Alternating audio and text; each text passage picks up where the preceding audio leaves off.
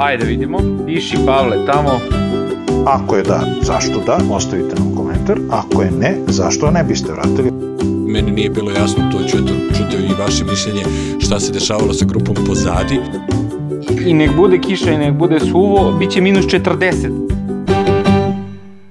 Beci svet, svet biciklističkih priča, polako sezonu privodimo kraju, klasika više nema, vožen je Ronde van Landeren, otkazan nam je Rube za sledeću nedelju, a Giro gura li gura, dokle će vidjet ćemo, doguro je do poslednje treće nedelje i uskoro kreće i Vuelta, tako da će biti dosta još priče, bar još par nedelja, a onda kad se bude sve ugasilo, vidjet ćemo da li će ponovo cirkus da se pokrene sledeće godine, jer svi znamo kakva je trenutna situacija. No, da krenemo prvo sa Ronde van Vlanderen, e, ženska trka, Tour de Flanders, Van den Broek triumfovala, Ronde van Vlanderen za muškarce pripalo Matthew Van Der Poelu, Giro d'Italia, imali smo tri etape od prošlog podcasta, 13. srećna etapa za Diego Ulisija, još jedna ove sezone, etapa 14 Filippo Gana i etapa 15 opet Ineos Krena Diers, Tao Gegenhardt. Bukvalno 15 etapa Gira, polovinu su odneli Arno Demar i Filippo Gana. No, a krenemo prvo redom sa damama.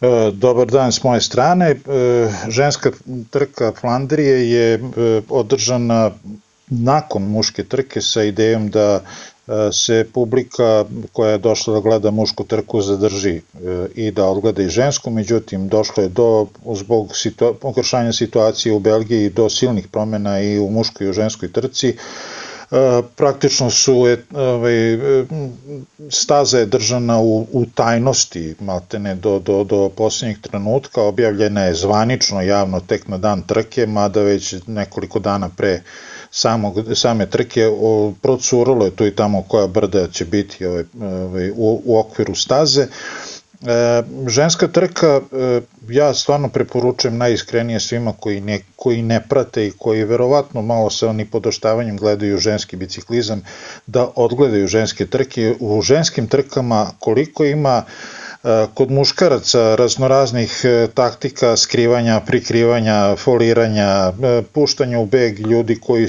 najverovatnije neće osvojiti ništa, ali kao da budu neki mamci ili već ne znam šta Kod žena toga nema. Kod žena kad krene beg, onaj odlučujući pravi beg, tu krene 10-15 žena koje su u, u vrhu svetskog biciklizma i to je zaista jedan na jedan neverovatne, e, e, e, neverovatna borba. U ovoj trci je opet nastupala naša Jeka Erić u okviru tima Movi Star i jako dobro su se držale to negde do 30-35 km pre, ovaj, pre cilja.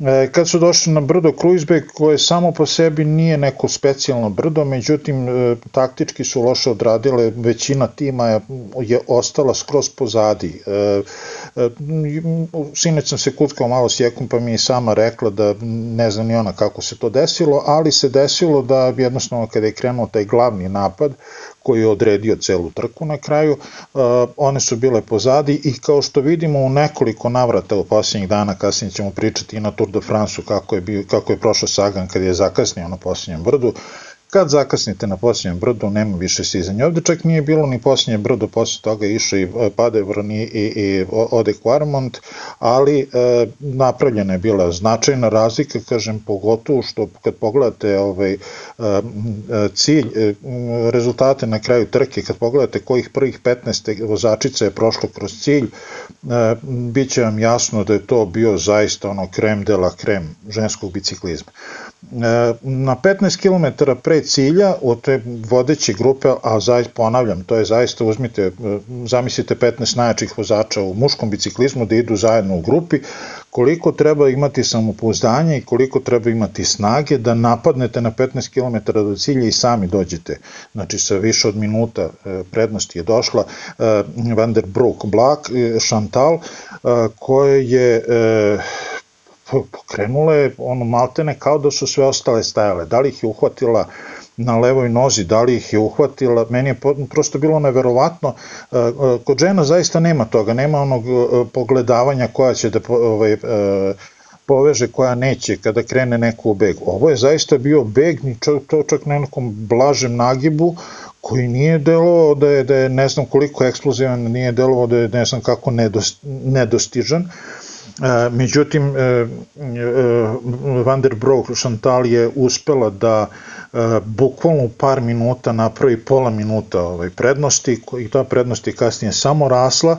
E, pokušavale su devojke koje su išle iza nje da uđu u smenu, da, da, da, da je isprate, pogotovo kad su došle na ravni deo kojim se završavala etapa, međutim ništa nije pomoglo, ona je pobedila sa minut i, i sekundom prednosti E, Jeka imala 5, 5 e, minuta 28 sekundi za ostatka, završila je na 48. E, mestu i koliko mi je rekla sinoć kao za sledeću godinu neće više ovako, ovaj, probaće da se spremi u toliko bolje što će kakva god je trka i gde god je trka gledati da pre trke ode, da prođe celu stažu, da više nema tih nekih malih nepoznatih vrhova koji znaju da iznenade. E, I mene je zbunila Chantal Black što se udala, pa je sad i Vandenbroek i, i Black i šta sve ovde ima od prezimena, a imala je super e, podršku u timu, u, pardon, u grupi iza iz svog tima. Amy Peters je markirala te ostale begove, ako je do njih bilo, Bila je tu naravno Jana van der Bregen, ne smemo zaboraviti, to su dame iz Bols Dolmans tima koje su sa uh, devojkama iz Trek tima najjače u ovoj sezoni. E, što se tiče muške trke, posle uh, Sanrema 2013. nismo imali pobednika iz prokontinentalnog tima, iako je to meni tek danas došlo u glavu, ali znamo svi da je Matthew Van vozač uber svetske klase, što bi se reklo. Tako da, eto, čisto samo je ovo, zarad statistike to što vozi u Alpecin Phoenix timu, a za mene je to bio sprint godine između e, njega i Wout van Arta, no trku svakako da je obeležio jedan drugi događaj, a to će nam Pavle opisati kako samo on to ume. Šta je radio Ala Filip? Pa je završio na asfaltu. Ala Filip je napao sebi svojstveno, a, otprilike na 30-40 km do cilja i praktično pocepao trku na nekoliko delova i uspeo je Matthew Van Der Poel koji je uz Ala Filipa i Van Arta a, a, najveći favorit bio za osvajanje a, trke. Uspeo je da isprati Ala Filipa. Van Art je malo zakasnio tu inicijalno da se prikači uz njih, uspeo je brzo da preseli i ta trojka se odvojila što to je zaista bio neki unapred predviđeni scenario. Ostala je grupa pozadi, oni su stekli neznatnu prednost i u jednom trenutku su naišli na motocikl koji je usporavao, verovatno imao zadatak da se prebaci iza njih, da bude između njih i glavne grupe. A Wout van Aert koji je želeo tu da uhvati što više zavetrinu, koliko god to bilo protivno pravilima, to je nešto čemu se gleda kroz prste, pogotovo kada su oni napred u grupi, pogotovo kada to tako kratko traje i on je skrenuo, nije stigao da, da, da znak ljudima pozadi, prosto nije, nije, oče, nije bilo očekivano da to uradi u takvom trenutku kad je tako mala grupa. A, Matthew Van Der Poel koji je bio odmah iza njega i uspeo da se skloni, Želina Filip u majici pet kontinenta, svetski prvak je u tom trenutku prosto baš eto tada je gledao u pod da li je završavao kontakt sa autom, odnosno sa, sa ekipom ili šta god god, prosto nekako podiga glavu tek dovoljno na vreme da vidi prosto da treba da proba da izbegne, da se ne sudari sa motorom, nije to učinio na vreme i nažalost završio je sa nekoliko preloma, njegova sezona je završena, kao što bi bila završena ovo po njegovom programu, bila poslednja trka za njega ove sezone, ali nažalost eto završena je na ne baš najbolji način i eto ima taj jedan peh nakon ne uopšte loše sezone, čak veoma dobre, možda smo očekivali nešto više od njega na Tour de France, ali a, a, na svim trkama na kojima je bio se pitao, bio je jedan od glavnih igrača, tako je trebalo da bude i ovde. Vidjet ćemo šta vi mislite, ja mislim da bi možda ishod bio isti kad je reč o prve dve pozicije na grupi, čak i da je on bio u, u sprintu i verovatno bi ostatak trke te, tekao istovetno, a taj sam ostatak trke jeste da su Matthew Van Der Poel i Wout Van Aert koji su ostali tu napred su navalili pun gas, odnosno delovalo je kao i da ne idu pun gas, a njihova prednost uh, uh, u odnosu na glavnu grupu se samo uh, onaj točak se samo okretao, okretao i okretao, sekunde su rasle, oni su za tren oka doslovce u par kilometara su to digli na pola minuta, na 40 sekundi, na minut, na minut i, i 15 20 i onda su to održavali, meni nije bilo jasno, to ću eto čuti i vaše mišljenje šta se dešavalo sa grupom pozadi, koji, u kojoj je bilo nekih e, imena od kojih se moglo očekivati da pruže veći otpor, šta je bilo sa tom grupom, zašto nisu, da li nisu mogli da sustignu ili je bio onaj klasičan sistem neću ja, radi malo ti, ajde radit ću ja posla, ajde ti sad, to ćete mi već reći šta je bio slučaj, mislim da je možda kombinacija oba, a čak možda i samo sama stvar da prosto nisu mogli, jer ova dvojica su svet za sebe trenutno. I na kraju su oni tako eto vozili, malo se a, a, a, menjali, ja sam stekao utisak da je Matthew Van Der Poel malo manje menjao, među vremenu se to prosto izjednačilo i došli su na kraju do sprinta, neverovatnog, neverovatnog sprinta, negde na Twitteru sam pročitao da šteta da tu nije bio treći vozač, da bismo mi bolje videli koliko je to zapravo bilo brzo. I u, u, u tom njihovom nadigravanju ko će koga da vuče, ko će da radi takozvani lead out je, da kažemo, pobedio a, Wout van Aert koji je na kraju izgubio. Dakle, Matthew Van Der Poel je sa čela uspeo da odsprinta, da pokaže koliko je e, snažan. Lično mislim da je možda Wout van Aert za, za milisekund ranije izašao iz zavetrine, lako je meni odavde govoriti, a, a na kraju on je uspeo prosto da dostigne taj bicikl prednosti, merilo se trećinama, četvrtinama, petinama točka koliko je prednosti imao Matthew Van Der Poel, koji je tako eto ponovio uspeh svog oca. Njegov otac Adri van der Poel je 85. ili 6. godine to osvojio, baš kao što je uzeo i, i, i zlatnu Amstel trku. Tako da, eto, došao je do velikog, velikog uh, slavlja i zaista zasluženo su to uradili njih dvojica. Možemo kasnije eto da se vratimo koliko vam možda nedostaje malo veća trka da tu uključi neki treći, četvrti, peti vozač, ali svakako je fantastično videti dvojicu vozača koji su toliko dominantni, toliko egal. Eto, to je sjajna najava nečega što nas čeka u budućnosti od njih dvojice. Pa ono što je meni palo u, u, u oči e, još pre trke, to je, to sam i pričao s vama, da, da je e, Get Wavelgem nije završio za Vuta Van Arta i on je i dalje e, ispaljivao raznorazne po meni preterane i neprimerene poruke o tome ko vozi napadački, ko će da dobije trku i sada da, da, da ne ulazim dublje u to, međutim ono što me iznenadio ili iznenadio me sam marketing Jumbovizme, koji je danas preplavio Twitter raznoraznim porukama tipa šta je sve Wout van Aert do sada osvojio i koliko je Wout van Aert veliki i koliko je Wout van Aert dobar. Znači, od jednog, u stvari, pokušavali, pokušavaju da iskoriste tu, to što, što je ta trka bila u fokusu, što je bila u, u žiži interesovanja svih onih koji prate biciklizam, da i na neki način i taj poraz, koji jeste poraz i poraz čistko suza, pretvore u nešto što je, ajde da kažem, neko promovisanje Wout van Arta, kojem u principu to i ne treba, čovjek je svetska zvezda, ne znam šta bi mu trebalo više. Razmišljam, nisu ni, ni upola toliko poruka imali kad je Roglič izgubio Tour de France.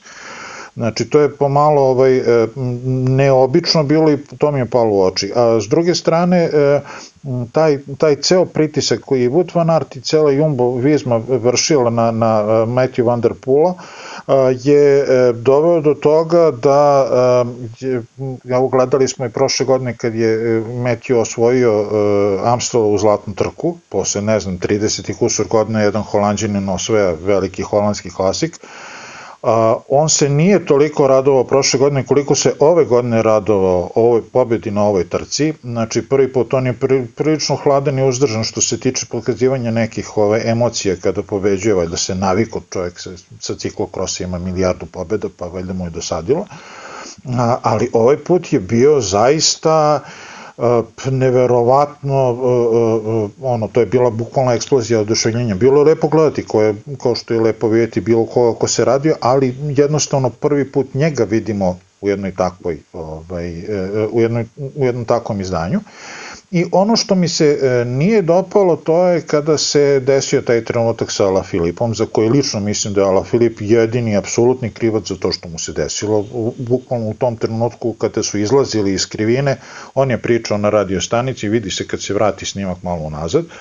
Da li je u tom trenutku još uvek gledao u radio stanicu, okrenutom mu glava bila na tu stranu, šta god je bilo u pitanju, udario je, pao, Danas je operisan, oslomio je dve kosti metakarpalne, to su one tanke kosti koje on spaju iz glob šake sa prstima. Praktično vaša šaka se oslanja na te kosti. Ovaj, e, i naravno završena je sezona za njega, ali odmah su krenuli raznorazni komentari po, po, po, po Twitteru da je za to krivi Matthew Van Der Poel zato što se naglo izmako ispred motora i navukao Ala Filipa da udari u motor. Pa nije to sad brdo ljudi, pa ti sad od toga ne vidiš da ima neka prepreka na putu, to je ispred tebe jedan čovjek i to verujem da je samo da mu je glava bila par stepeni u desno okrenuta na vreme bi video isklonio i u jednom, ta, u jednom takvom finišu među njima trojicom ja mislim da bi Ala Filip dobio jer uh, u tim brzim smenama koje su uš, uišle i uz brdo ne bi mogli da ga otresu, a na ravnici i u sprintu mislim da je bolji od njih dvojice. Ali i ovako smo imali fantastičan finiš. Pa definitivno da je taj pad promenio dinamiku trke. To je, mislim, ono što je bilo očigledno. Ne bi bilo isto njima dvojici koji vuku svoj rivalitet, koliko reče Pavle, ono još od, od ono, vrtića čoveče i sa ciklokrosa i Svetioniča što kaže da je dominantan Matthew Van Der Poel. Ne sećam se da li smo pričali u klasicima, ali jedna o, o, ovim a, ciklokros trkama, ali jedna a, digresija, da kažem da organizatori trka na ciklokrosu su plaćali Matthew Van Der Poola da malo duže vozi u grupi. Znači, pljuno, ono, izvade lovo i kažu, ej, dečko, sedi, molim te još par krugova u grupi, pa onda idi i otresi ih. Znači, bukvalno u Belgiji je ciklokros uh, velika tema. I evo što kaže Svetioničar, uh, da je Jumbo krenuo tu da veliča Wout van Arta nema potrebe, stvarno nema potreba, ali opet ovo je bila belgijska trka, on je bio belgijski vozač, trebao da stavi krunu da, na tačku na kraj sezone i to se nije desilo. A ono e, što se desilo Ala Filipu je ono splet neverovatnih, neverovatnih čudnih okolnosti, zato što je Uh, znate i sami verovatno i, i, i vama i meni u životu isto je sad trenutno ogroman pritisak zbog cele ove situacije u svetu, tako i pritisak i njima tamo i svim tim ljudima koji su tu, i vozačima i ljudima koji su na trci. Sad, da se onako nameste dva motora i da jedan koči, da ovaj čovjek koji 20 godina tu vozi motor i u trci je i plus je i bivši policajac pa je vozio motor pa zna kako šta, kako, znači uh, da se tako namesti i da Ala Filip baš u tom trenutku Mislim, trka se odvija, pršti na sve strane, oni su otišli napred, ne zna se hoće li ih uhvatiti, neće, znači razmišljaju sad Ivan, uh, uh, Wout van Aert uh, i Matthew van der Poel i Ala Filip razmišljaju kako da uh, kako da pobede ostale uh, konkurente. I da on u tom trenutku razgovara sa automobilom da vidi šta kako i da ova dvojica uh, On, ne mogu ni oni praktično nisu mogli da reaguju jer su i oni bili skoncentrisani. Sad neko da kaže ovo što kaže Svetioničan da ga namerno, nije naravno da nije na, namerno i da sad i Vout Van Art nije stigo ni da pokaže, to je znamo svi veliki i ogroman fair play, uh, da ljudi pokazuju uh, da ima neka prepreka na putu, pogotovo ti uh, stubići, neki znaci, ali niko nije reago, niko nije stigo da reaguje koliko se to brzo odvilo, a i na kraju krajeva ovo je, brate, trka, gledaj sam, ono, znaš, nije sad nedeljna, ono, Sunday ride, pa mi pokazujemo svima je došao neki nov, pa ne zna kako se vozi. Znači, trka pršti na sve strane, jednostavno, u deliću sekunde se sve izdešavalo i ništa nisu mogli da urade.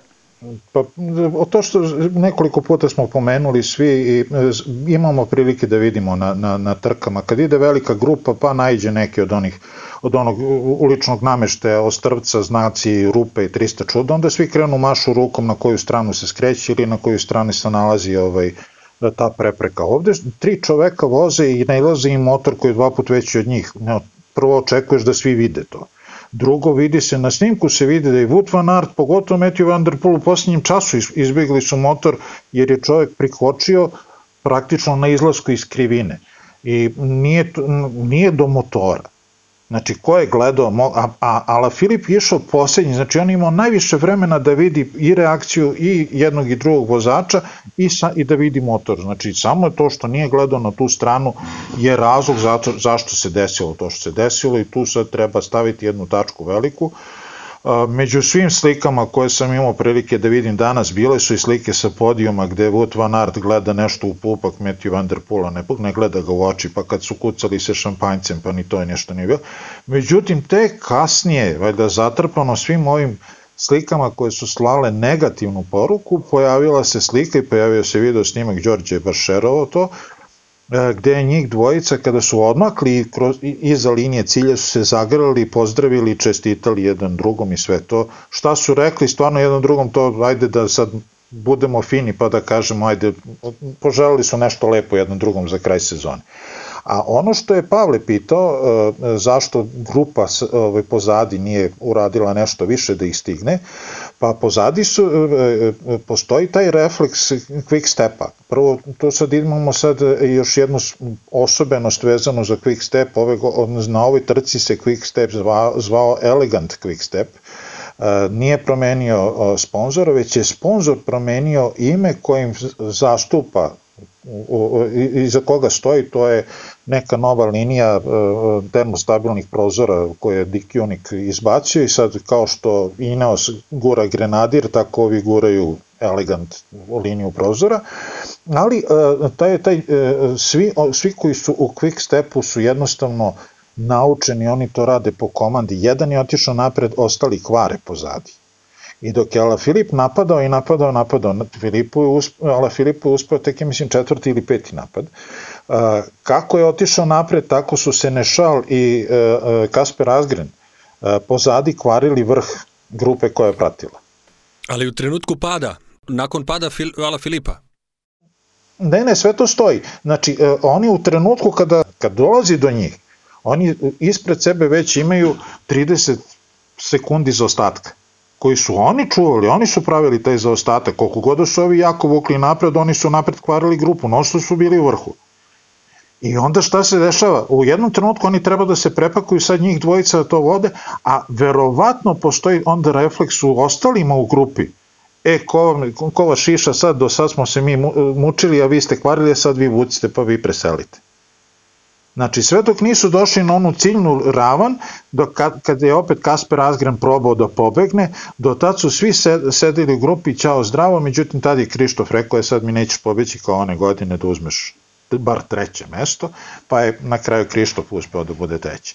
Ali e, e, to što nije grupa stigla, mislim da je tu prevashodno zbog ove dvojice koji su, kažem, dok je Ala Filip bio u trci kvarili, kvarili, kvarili, a onda bili prepušteni sami sebi, izvolite pa vi jurite sad.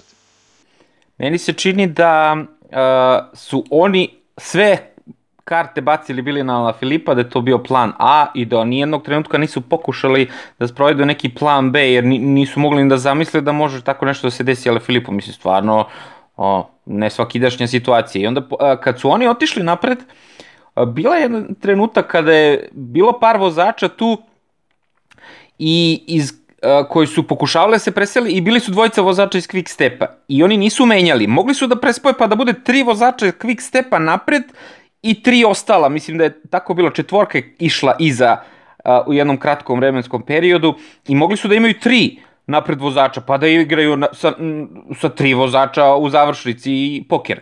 Međutim, oni su toliko bili suvereni i rekli su posle, o, belgijska štampa i to isto ono, kritikovala kako niste vi imali nikakav plan B sad sa Ala Filipom dođe desilo se. I, i oni, onda je ne znam ko rekao, da li je uh, Kasper Nazgan rekao, to je bilo odluk, naredba iz kola, bukvalno kao ne menjamo, Ala Filipi, Ala Filip, on će ove da otrese, mogo je možda da ih ostavi na Paterbergu, na poslednjem brdu, ali, če kaže svetioničar, on čovjek uh, sprintuje sa Wout van Artom, laka je bila za Sanremo, ono, bukvalno. Sad, posle toga je sve bolji i bolji i bolji bio uh, i na turu i posle na svetskom prvenstvu, tako da je apsolutno uh, bio favorit i u sprintu. Ali treba da kažemo da on nije odustao sa napadima, on je nizbrdo otkinuo ovu grupu. Bukvalno je nizbrdo otišao po nekoj kocki, po nekim krivinama, pa pruga neka, pa uzak put, pored nekih štala. Znači tu se iskrao, znači sve je pokušao, toliko je prilagodljiv da ne mora samo brdo, svi su pratili brda i te Claremonte kako ih oni, uh, oni zovu. Ali meni je najinteresantniji uh, detalj cele trke bio uh, početak sprinta. Znači, početak sprinta je Matthew Van Der Poel tako dobro odradio da je to bilo nevrovatno. Otišao je sa strane, zatvorio tu desnu stranu do barijera i čekao, čekao, čekao i samim tim tu i gledao kada će da krene i koliko, na koliko do cilja će da krene uh, Wout van Aert jer je on morao da krene. A ono što je on mogao da vidi, mogao da vidi umor uh, Wout van Aerta koji nije imao naočar. Ja sam baš to gledao i uh, Matthew Van Der Poel imao baš onako tamne naočare, iako to nisu bile, nisu bila ta zatamljena stakla za ono vreme koje je bilo sad u, u Belgiji, oni oblaci. I onda onog trenutka kad je trznuo uh, Wout van Aert, on je nabio glavu u pod i sprintao do daske, kidao, čupao i ni jedan ni drugi nisu znali ko je triumfovao sa onim izbacivanjem bicikla, nisu znali. I što kaže Svetioničar, onaj video koji je posle izašao, posle svog tog rivaliteta i posle sve one dečije trke koji su prošli put odradili kad su zeznuli stvar, pa je sigurno bilo i u jednom i, i u kampu i u jednog i u drugog kao, e, brate, šta se zezate, trkajte se, ono, kao šta gledate jedan drugog, imate i, i ostale vozače. Sad uopšte nisu zeznuli, ali su odmah posle linije, ne znajući ko je triumfovao, kao, brate, svaka ti čast. Znači, ovo je bilo ono, i jedan i drugi su izvukli sve iz petnih žila i bolje je pobedio. Kogoda je bio u tom trenutku, ni jedan ni drugi nisu znali ko je pobednik. Pa taj trenutak, to je trenutak slabosti za Wout van Arta kojem se omaklo u žaru borbe. Ovaj, e, e, šalim se naravno, videlo se zaista koliko mu je teško, sav se pušio uopšte mu nije bilo svejedno. Ja nekako, možda će ljudi znati, ne delim do kraja peđino mišljenje kad je reč o, o, o, o toj strani Van der Poel, Van Art, međutim ovde Van, a, a Van Aert se stvarno pušio, baš, baš, baš mu je bilo žestoko krivo i sve. Kad je reč o onom slavlju Van der Pula, jeste bilo značajno veće nego, nego inače nekako voleo bih da to prosto nije zato što je on sad pobedio ovoga.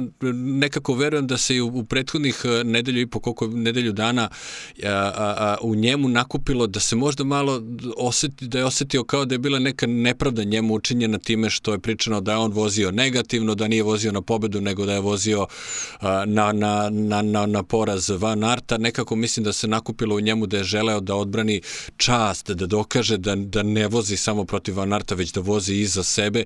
I na kraju krajeva dobio je zaista jedan veliki, veliki klasik i, i, i otud takođe to je jedno a, a, toliko slavlje i toliko iz njega, to je poslednji tako veliki klasik u, u, u sezoni obzirom da nema Rubea, sve onako ljuljnulo iz njega, sve emocije, a, sve, sva, sva psihologija, ko, čitav naboj koji je tu postojao.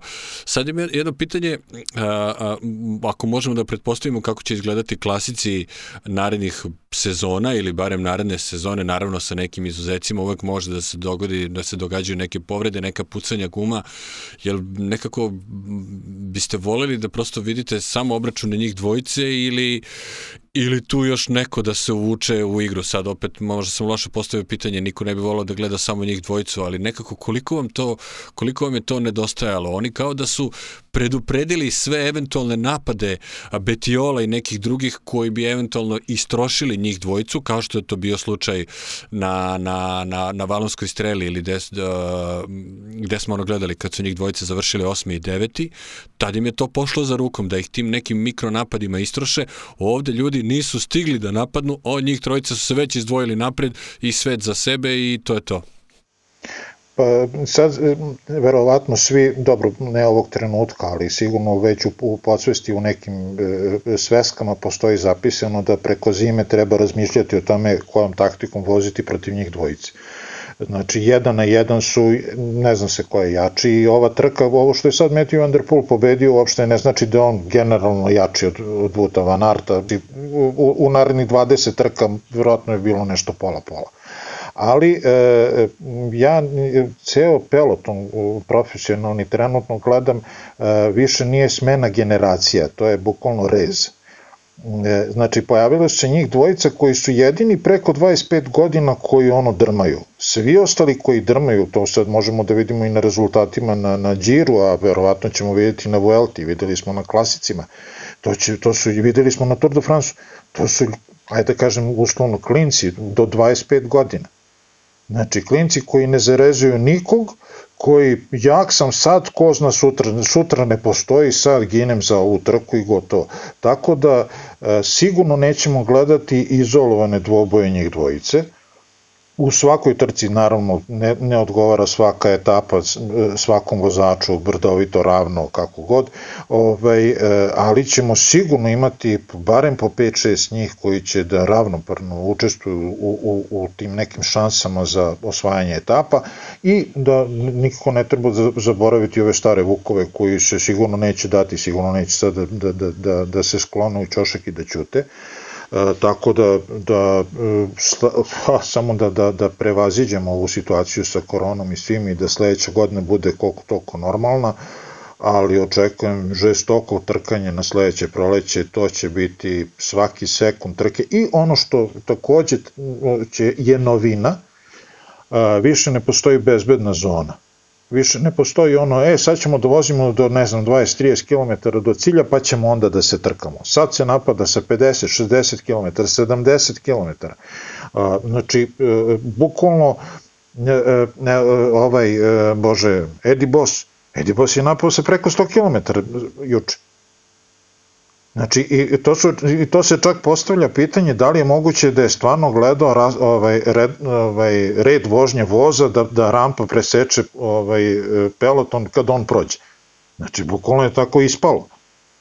E sad, Edi Boss, koliko god nam je dragi svetov 100 km, možda malo previše za njega, ali opet, eto, neko, možda, uopšte nije isključeno sledeće godine Hirši da napadne sa 100 km. Evo kad pomenu ove napade, da napravim digresiju, ja mislim da će Nibali tako narednih dana negde, ono, kad je već sad izduvo generalni plasma, će krene, vrate, na sve ili ništa, pa vi sad vidite šta ćete.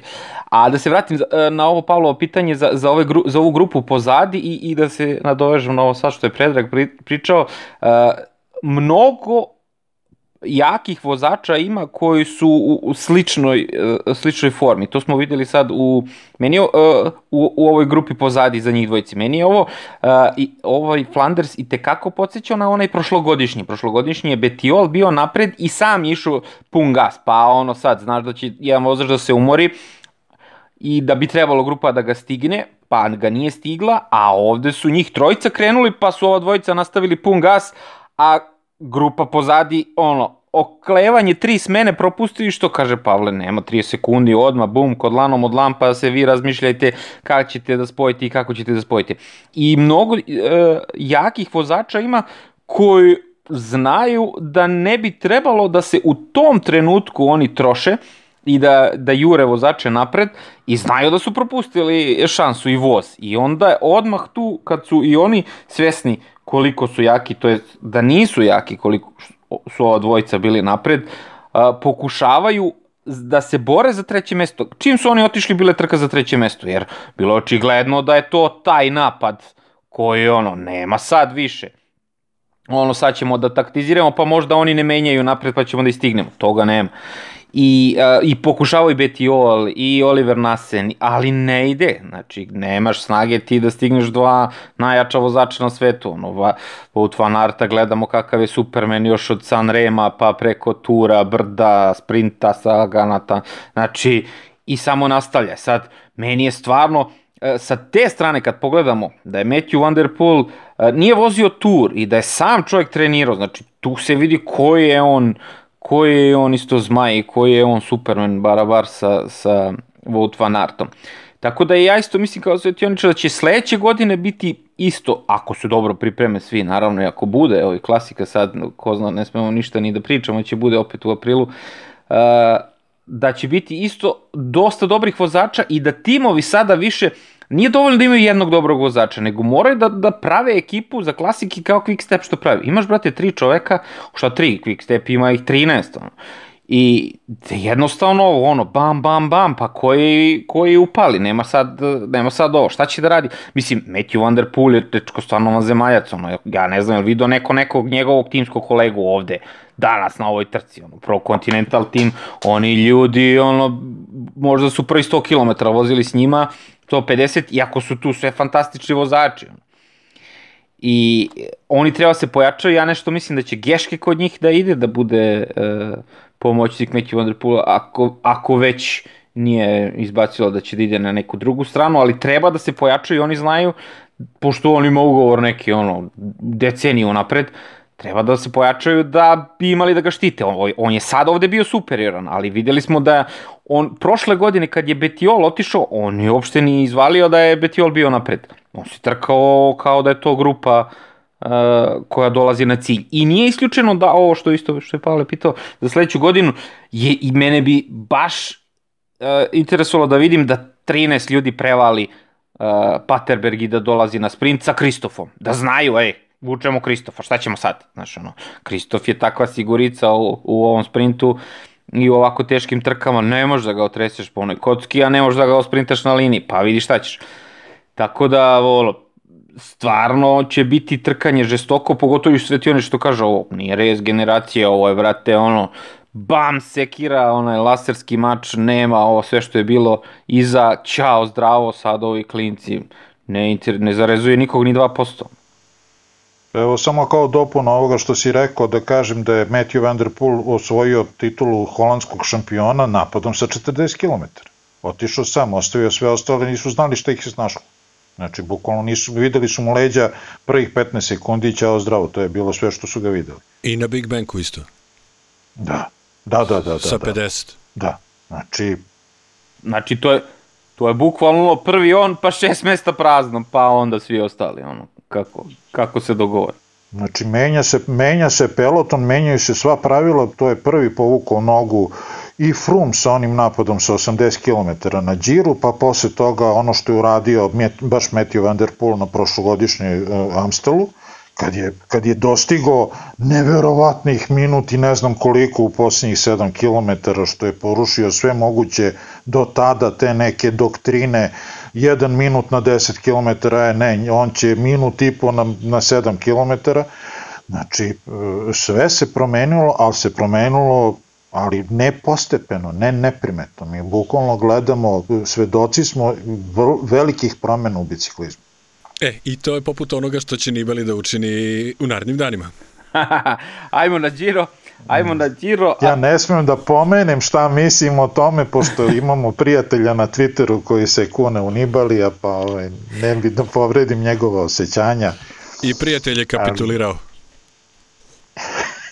Ajmo, na, ajmo na Giro, ali e, samo da kažem da sam, e, ono, Twitter humor, da sam naleteo pre, e, pre par sati na jedan o, veoma, o, ne znam kako bi ga nazvao, disku, diskutabilan tweet, gde ovaj, bivši vozač, i to poznati, pita kao, e, samo da pitam, jel nije bez veze da pitamo je Ala Filip razbio onaj sat, ono, 12.000 evra, ono, mislim, kao, brate, te se toga seti, ono, kao si lut, izlomio se čovjek, ono, kao, ti si našao da se sa tim zafrkaš.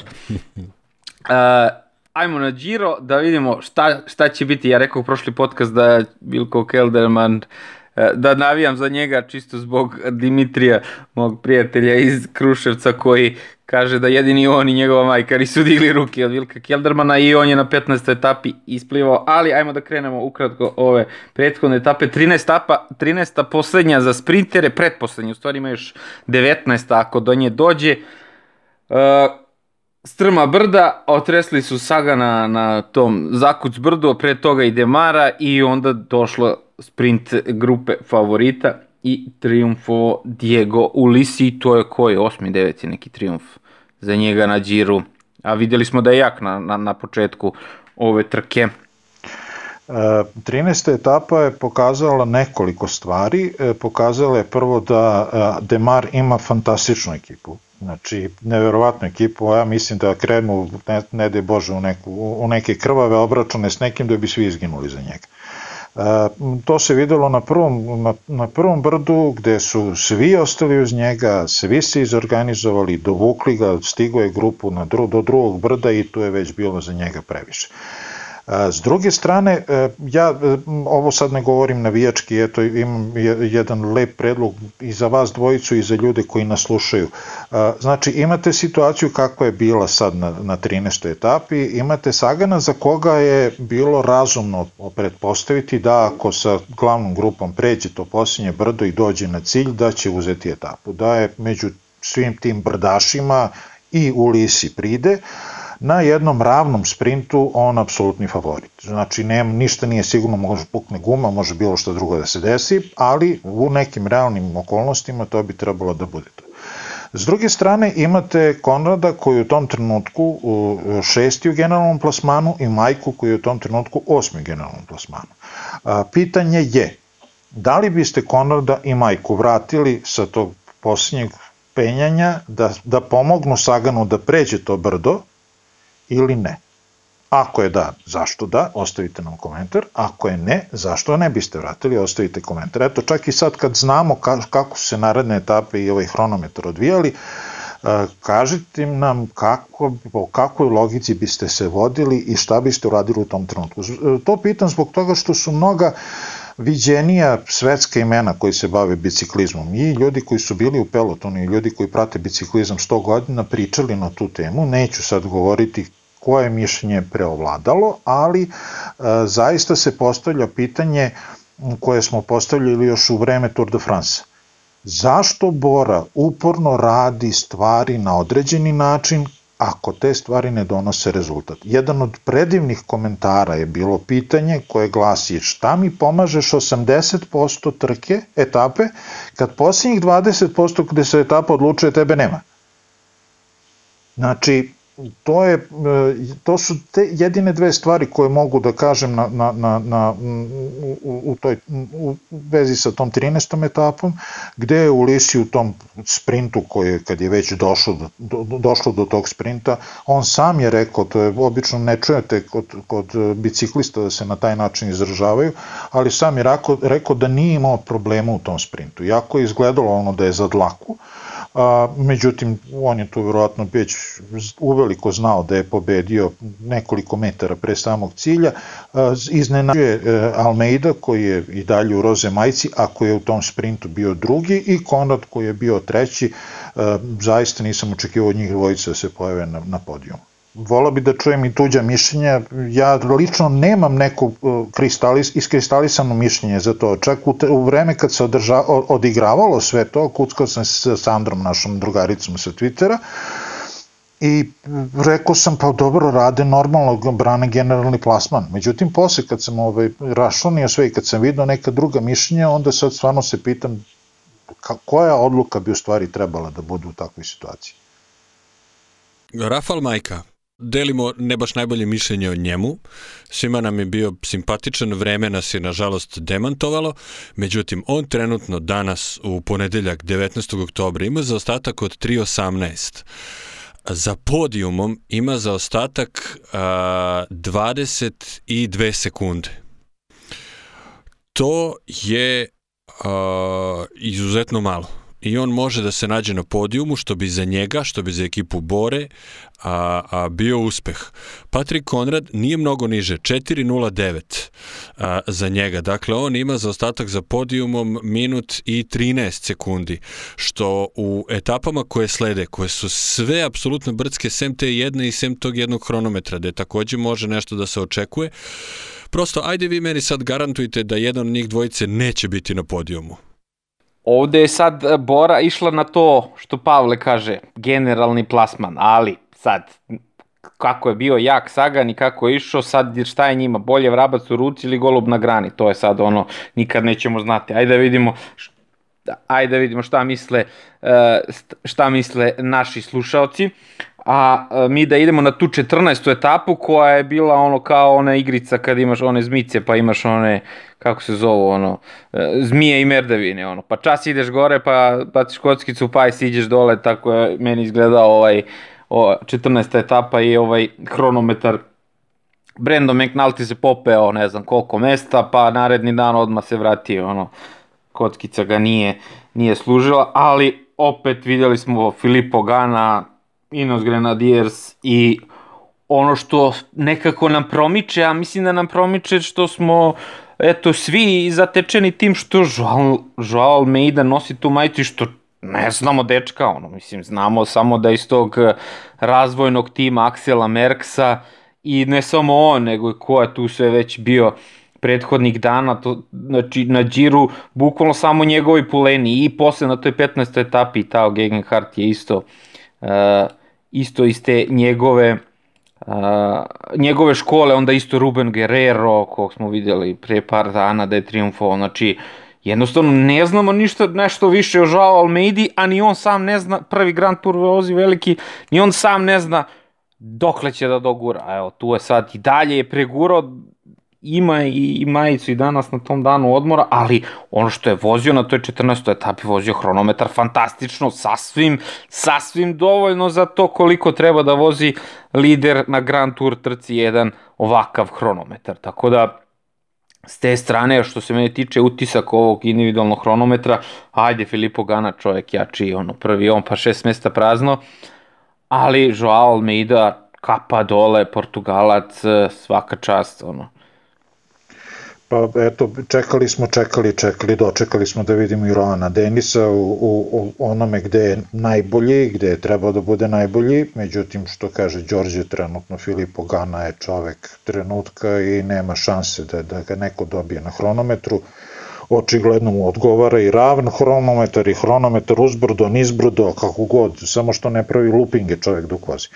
Uh, ono što je takođe ovaj hronometar pokazao, to je, dotaći ćemo se toga verovatno još nekoliko puta do kraja podcasta, to je da uh, Nibali ne vozi više kako je vozio i da čak i na hronometru gubi, gubi ovaj vreme poprilično, kad se desilo, dogodilo se da je majka bolje od Nibalija na hronometru.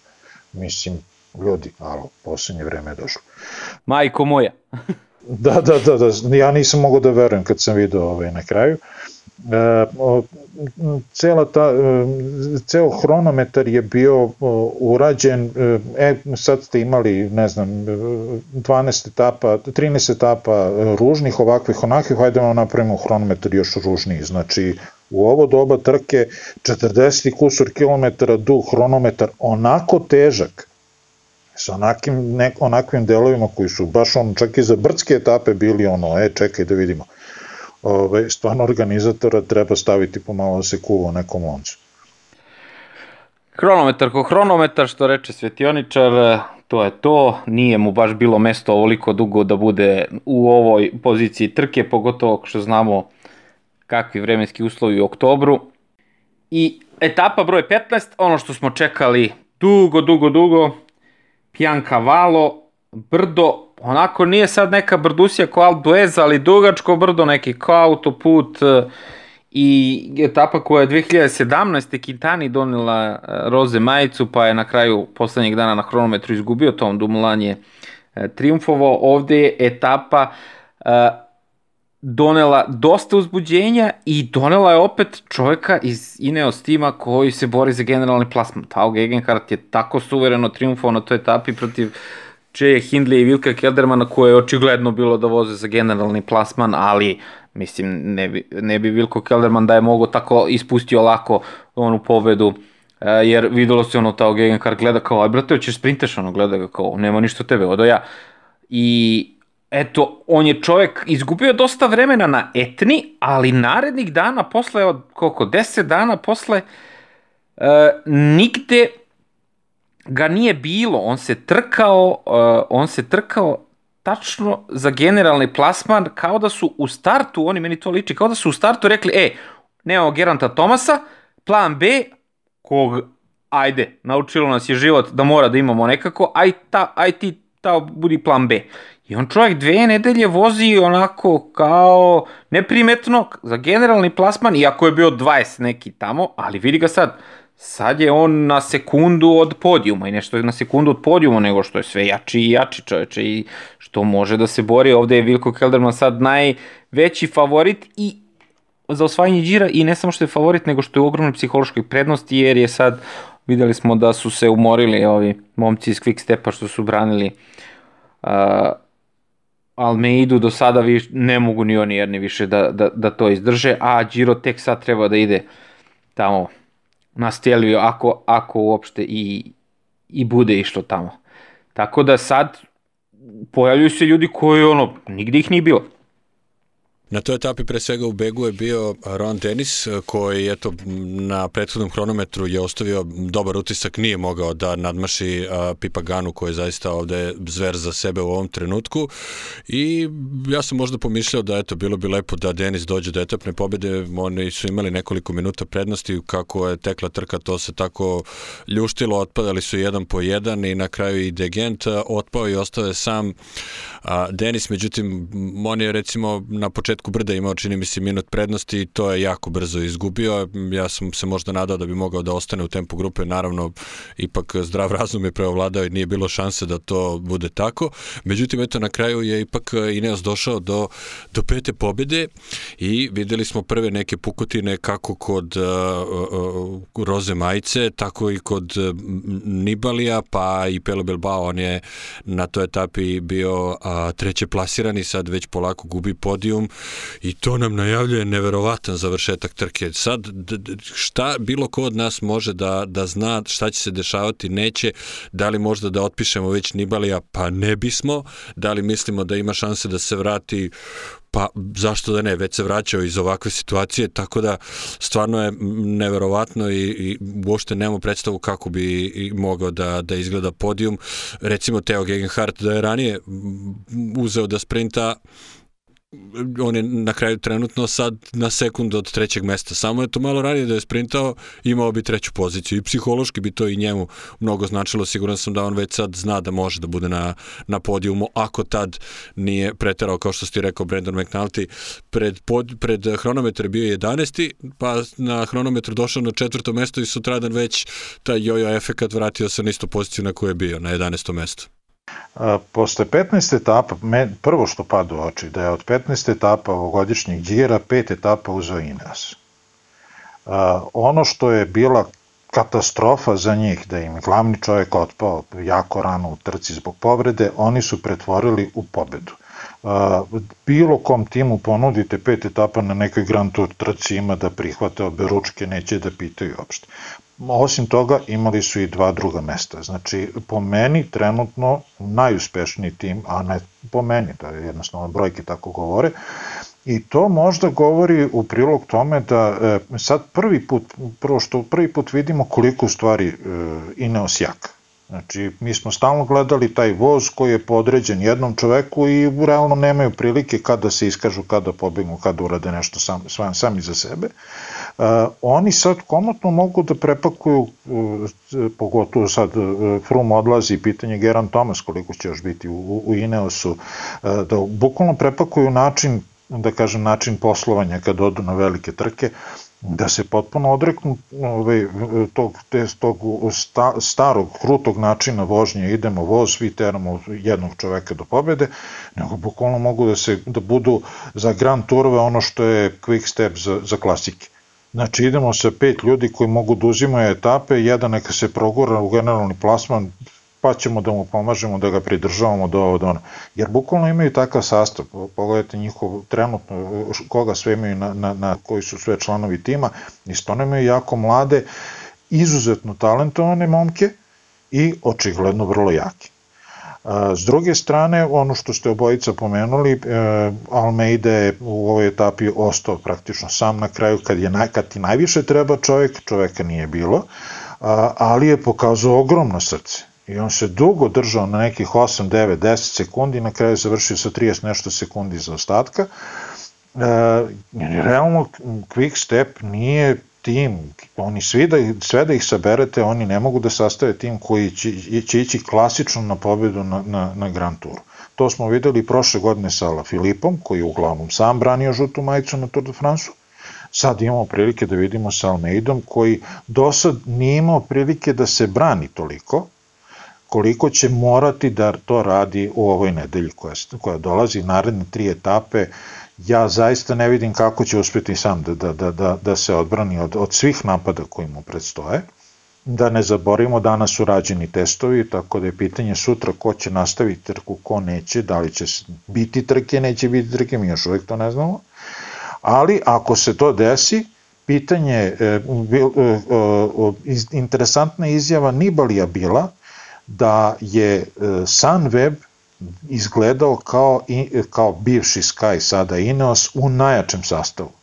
Znači, ono što je Sunweb uradio na kraju jučerašnje etape, to je bukvalno demontiranje pelotona. Znači, oni su jedini od celog pelotona je Teo uspeo da, da ih prati i na kraju mu se to isplatilo pobedom. Ali se isplatilo i Vilku Keldermanu koji je drastično smanjio razliku.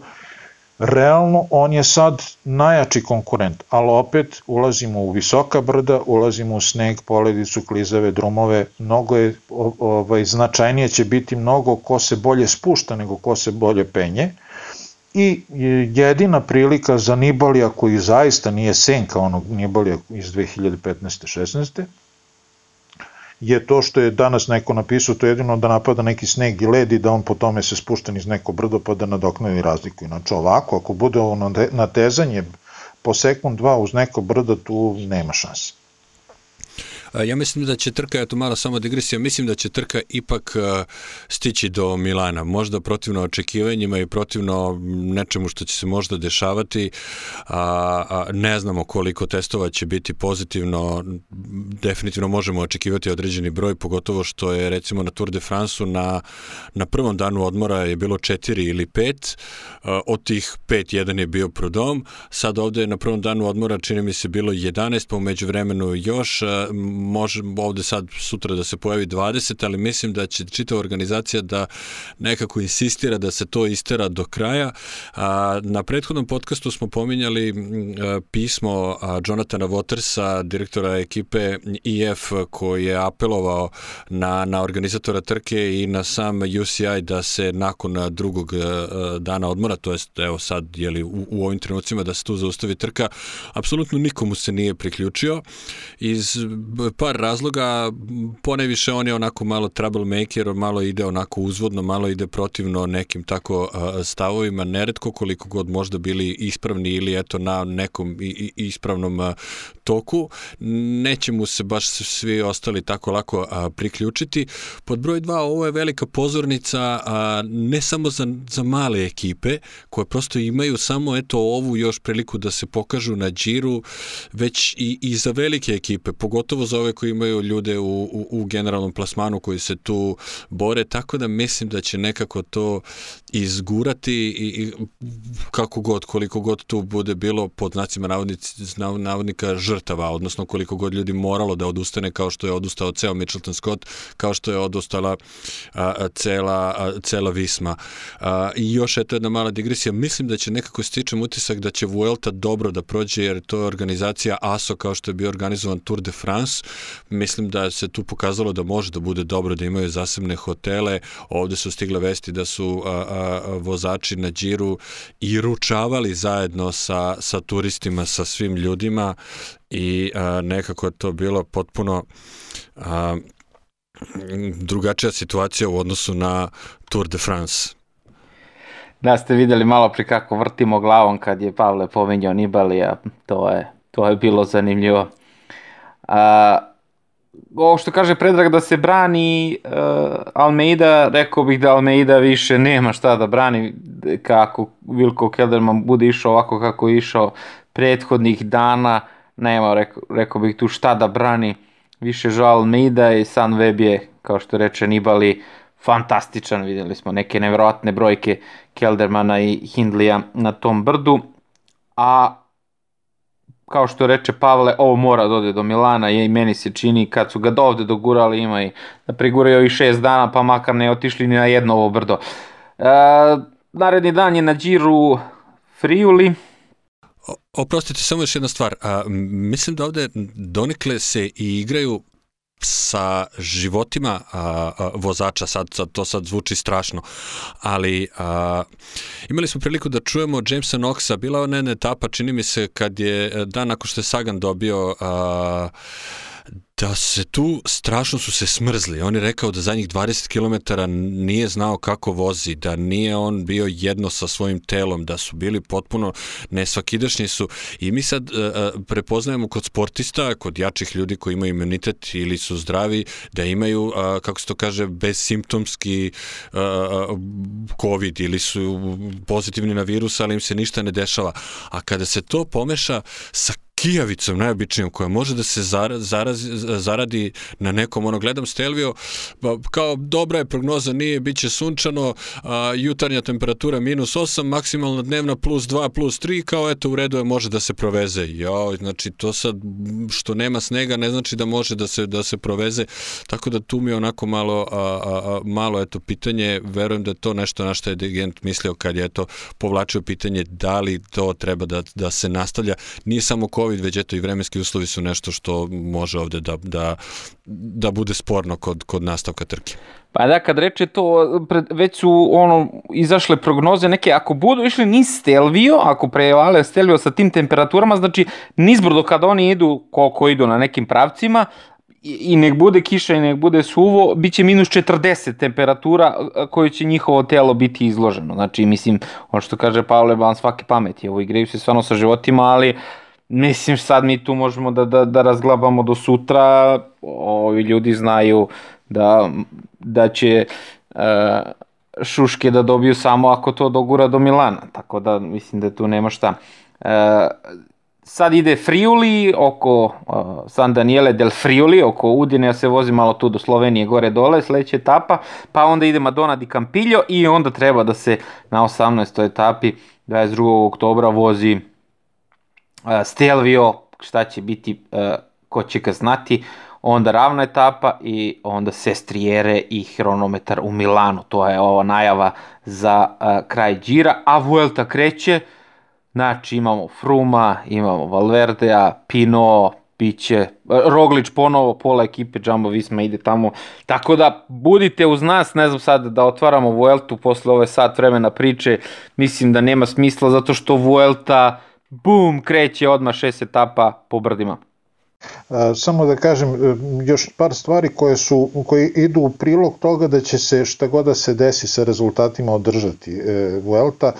Belgija ima katastrofalno lošu situaciju trenutno sa koronom i e, šta su radili? E, oni su u nedelju održali dve velike trke, muški i žensku Flandriju, ali su već danas zatvorili sve kafiće, sva javna mesta, restorane, to više ništa ne radi, uvodi se maltene policijski čas, kako se već ono zvalo. Slično će se verovatno desiti i u Italiji. Znači, kakvi god da budu rezultati, e, prevelika mašinerija je pokrenuta i ne verujem da će, da će se odustati od trke, mada eto da sačekamo sutra jutro pa ćemo videti.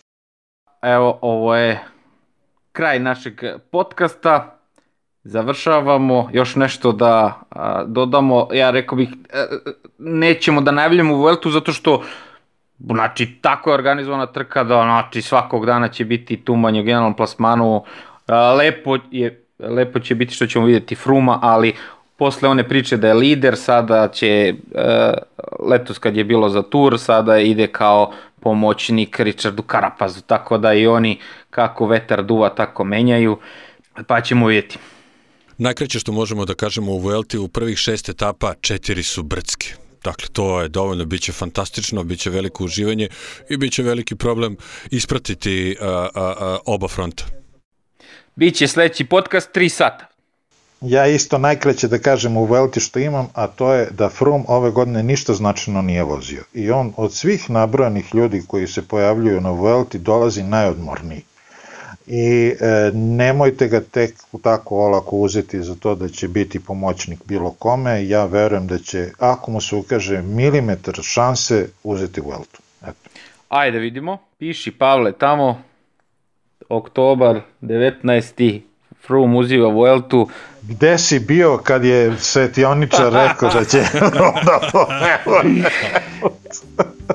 To je to što se tiče ovog podcasta, znate sve kako ide, lajkujte, subscribeujte se na YouTube kanalu, na Twitteru smo, ja rekao neću biti u narednim danima, ali tu će biti Pavle i Svetioničar, zajedno će tvitovati sa drvljanika ovog puta. Ćao! Ćao! Ćao, prijetno.